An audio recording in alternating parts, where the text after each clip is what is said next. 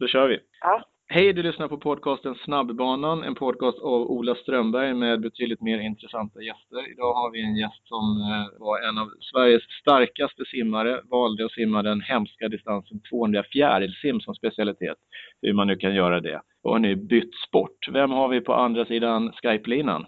Mikaela Laurén är här. Just det, Mikaela Laurén som nu har ett gäng världsmästarbälten i boxning. Hur många har du? Jag har fem stycken VM-titlar just nu och är rankad Ja. etta i världen.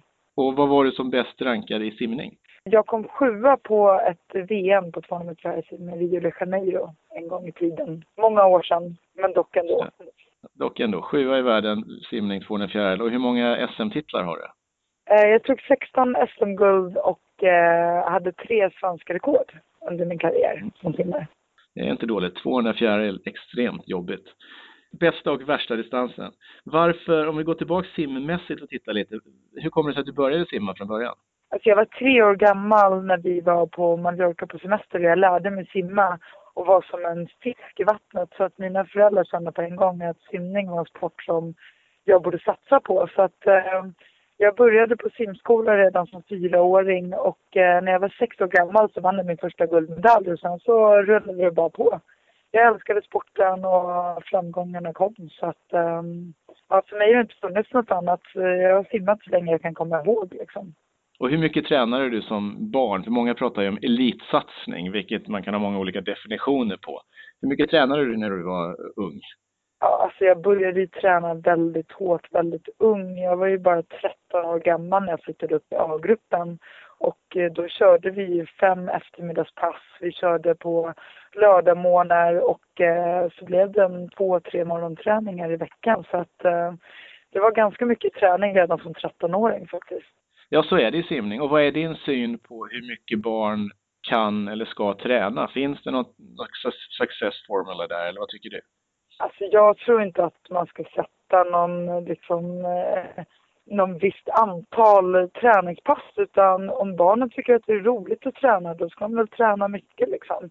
Jag älskade att träna som ung. Jag längtade till nästa träning jag tränade själv extra efter träningarna och tränade alltid på semestrar och grejer. Så att det där tror jag liksom, det är jätteindividuellt.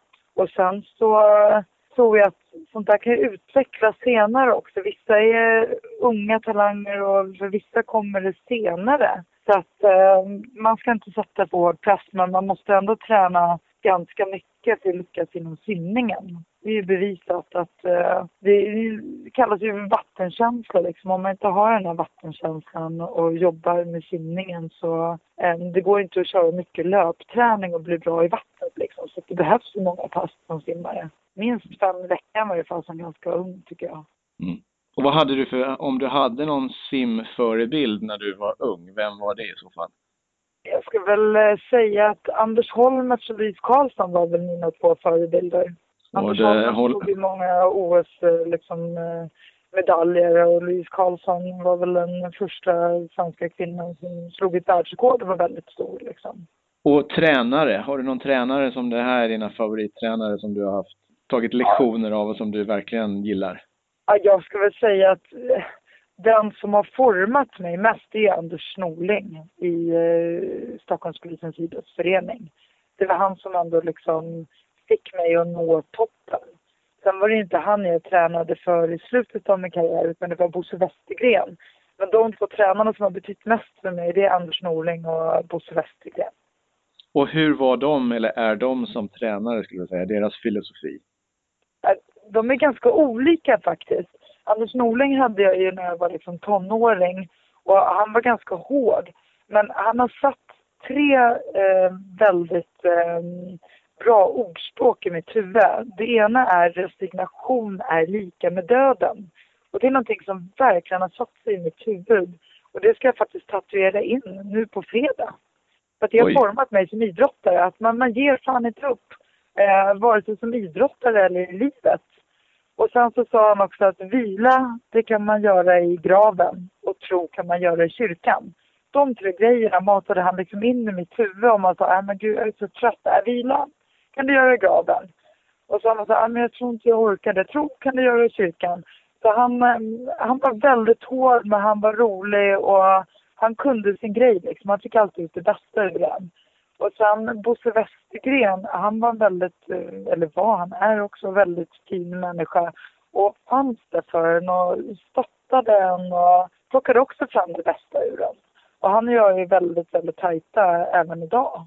Så att eh, han har betytt otroligt mycket för mig. Om man ser tillbaka på din simmarkarriär, vad är ditt bästa respektive ditt sämsta simmarminne eller framgång och motgång som du verkligen kommer ihåg? Ja, alltså det är väl egentligen samma lopp, ska jag väl säga, eller det har med samma sak att eh, Jag var på OS-kval eh, 1996 nere i Frankrike och det regnade och det blåste och vi var, tror jag, 90 stycken personer. Vi var tvungna att kvala internationellt det året. Vi började det året tror jag, för OS. Och jag eh, skulle simma 200 meter fjärilsim som min distans och eh, dök i och slog ett eh, 18 år gammalt svenskt rekord med nästan två sekunder och blev nominerad till OS efter det eh, loppet. Och det var ju den lyckligaste stunden i mitt liv. OS har alltid varit min största dröm såklart. Eh, och tänkte att nu är jag liksom, nu är jag där. Jag såg mig själv i Atlanta. Men eh, två veckor senare så ringer de från OS-kommittén och säger att min tid räcker inte till.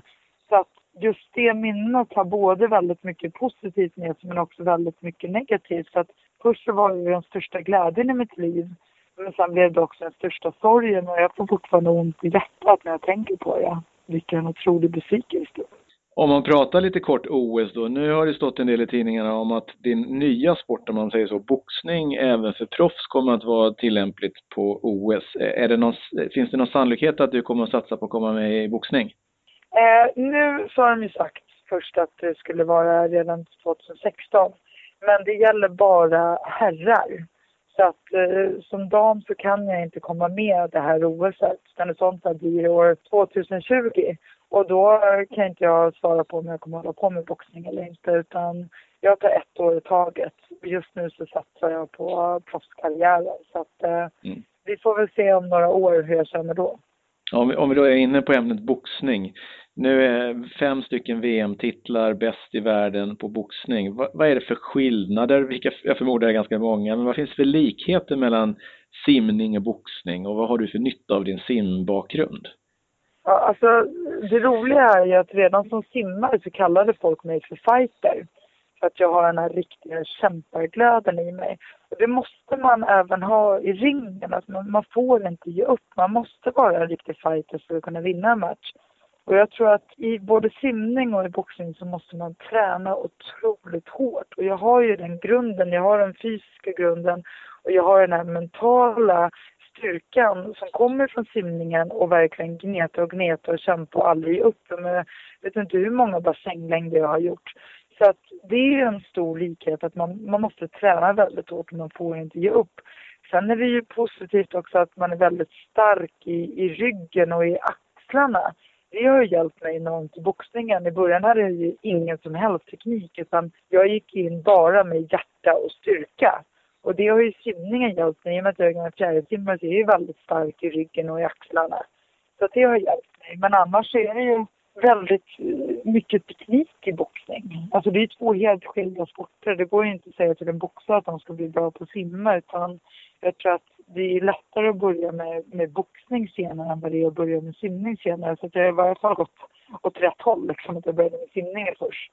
Mm. Men jag tror allmänt håller man på med eh, vilken sport som helst är det lättare att börja med en annan sport sen. Så att man har den här fysiska och psykiska styrkan med sig. Om du väger i procent hur mycket som är teknik respektive fysik eh, inom simning jämfört med boxning, vad är liksom relationen där? Hur mycket är fysisk styrka och hur mycket teknik i de bägge sporterna? Oj, gud, svårt. Jag tror att i början av karriären, när du kanske inte möter världseliten, då är nog eh, den här den fysiska styrkan eh, är viktigare, eller jag vet inte man, man klarar sig mycket längre på, eh, på bara vara stark, liksom, både psykiskt och fysiskt. Sen när du kommer lite högre upp, som jag gör gjort nu, då måste jag liksom kunna tekniken till 100 procent och vara väldigt taktiskt smart också. Så att den kommer, ju, ju bättre du blir och ju bättre motståndare du möter, desto mer spelar det in. Men i början så klarade jag mig väldigt långt med bara liksom fysisk och psykisk styrka. Hur duktig på en skala 1 till 10 om 10 eh, world class är du tekniskt i boxning i dagsläget? Um, ja, jag har faktiskt blivit jävligt duktig om jag säger det själv. Och um, jag känner att jag... Um, man, man, kan alltid utvecklas och jag känner att det roliga är, jag är 40 år gammal och jag känner att hela tiden så lär jag mig något nytt. Men idag känner jag mig verkligen som en boxare. I början kände jag mig mer som en simmare som försökte boxas men idag är jag en boxare som kan simma. Uh, men jag tror att jag är väl på en, eh, en sjua av tio. Så att jag har fortfarande mm. lite utrymme att utvecklas, men jag är väldigt, väldigt högt upp. Du nämnde ju själv då din ålder, vilket var skönt för då slipper jag fråga en dam om ålder. Ja. Nu 40 år gammal. Hur länge till kan du hålla dina mesta bälten? När blir du för gammal? Äh, tills jag känner att jag vill lägga av. Jag tror att det finns ingen riktig ålder på det. En, en kompis till mig eh, från New York, hon är 47 år gammal och eh, världsmästare. Så att, eh, det betyder att om jag följer hennes fotspår så kan jag hålla på ett år till. Kan man tjäna pengar på att vara kvinnlig proffsboxare i Sverige? Eh, ja, just nu kan man det. Eh, det har tagit ett tag men nu börjar boxningen bli lite större. Eh, men det gäller också att ha någonting som står ut. Eh, du måste ha någonting som gör att du liksom får uppmärksamhet så att du kan få sponsorer utanför eller få en promotor. Vilket jag har lyckats få nu. Nu har jag fått en stor huvudsponsor och jag har lyckats få en promotor. Så nu äntligen så kan jag kanske få lite själv. Om man har ett företag och känner att Mikaela Laurén, hon känns skön, henne vill jag sponsra. Finns det några anledningar mer än att man bara tycker om att synas med dig? Varför ska man sponsra en boxare eh, som du?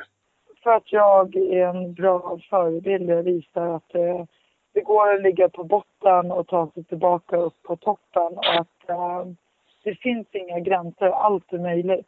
Och syns man med mig så um, kan man synas på både sociala medier och man kan synas på TV och um, det är en bra reklam för uh, starka kvinnor.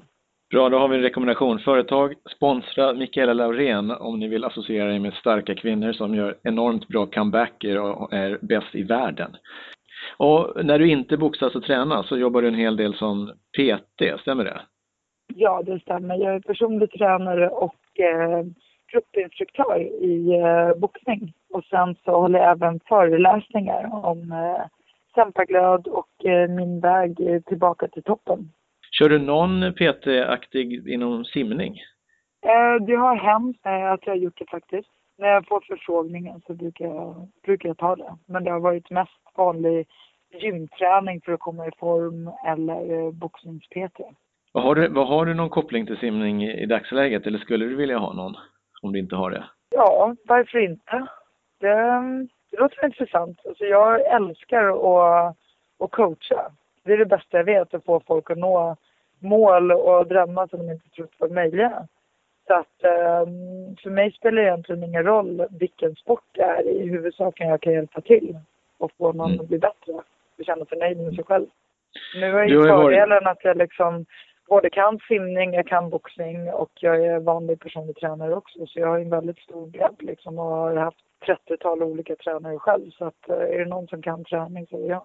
Vad tror du, om, om man kollar på förebilder eller supporter till elitidrottare oavsett sport, så kan man säga att föräldrar har en, en väldigt stor del i det och coacher har en stor del i det. Från föräldrasynpunkt, vad tycker du är viktigast där? Det viktigaste som förälder är att man finns där, att man visar sitt intresse. Att man kommer, följer med på tävlingar och supportar. Om eh, ens barn är trött och inte orkar gå och träna, pusha dem då istället. Säg nej men tänk vad roligt det var att åka ner och träffa dina kompisar. Det kommer kännas bättre när du väl är på träningen. Tänk på tävlingen nu, att, liksom, vilket resultat du vill ha. Att, att de hjälper till liksom. Och sen att de inte ställer för höga krav heller. Att de inte visar missnöje om eh, barnet gör en dålig tävling eller prestation. Utan då är det extra viktigt att finnas där och visa sitt support, att visa att man älskar sitt barn ändå. Men någonting som mina föräldrar gjorde, eller som min pappa gjorde, det var slog jag personliga rekord, då fick jag en ny baddräkt. Och det var en bra morot liksom. Men mina föräldrar har alltid funnits där också, även om jag inte har presterat på topp. För det kan man inte alltid göra liksom. Om vi pratar lite svensk simning i dagsläget då. Vi har eh, svensk simning på OS i Rio. Det eh, finns jättehöga förhoppningar. Vad tror du kommer att hända? Hur många medaljer blir det? Eh, gud, jag har ingen aning. Eh, men jag tror i varje fall att Sara Sjöström kommer ta ett guld. På 100 fjäril eller 200 fritt eller 100 fritt? Eh, på 100 fjäril. Snabbbanans podcast håller med. Vi tror att hon vinner med nästan en sekund faktiskt. Totalkross ja. kommer det bli.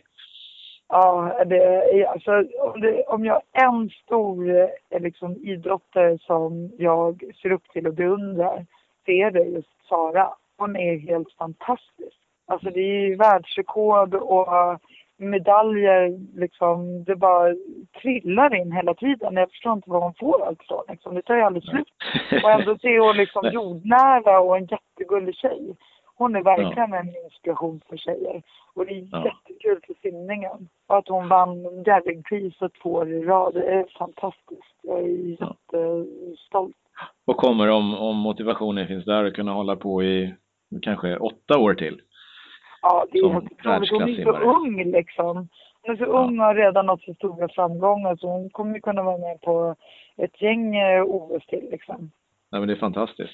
Och avslutningsvis, ja. om man är 13 år gammal, så som du var när du blev uppflyttad i A-gruppen, om man satsar på simning, vad är viktigast att tänka på då? Vad är ditt råd? Att uh, ha roligt. Man får inte glömma bort att man också har ett liv vid sidan av.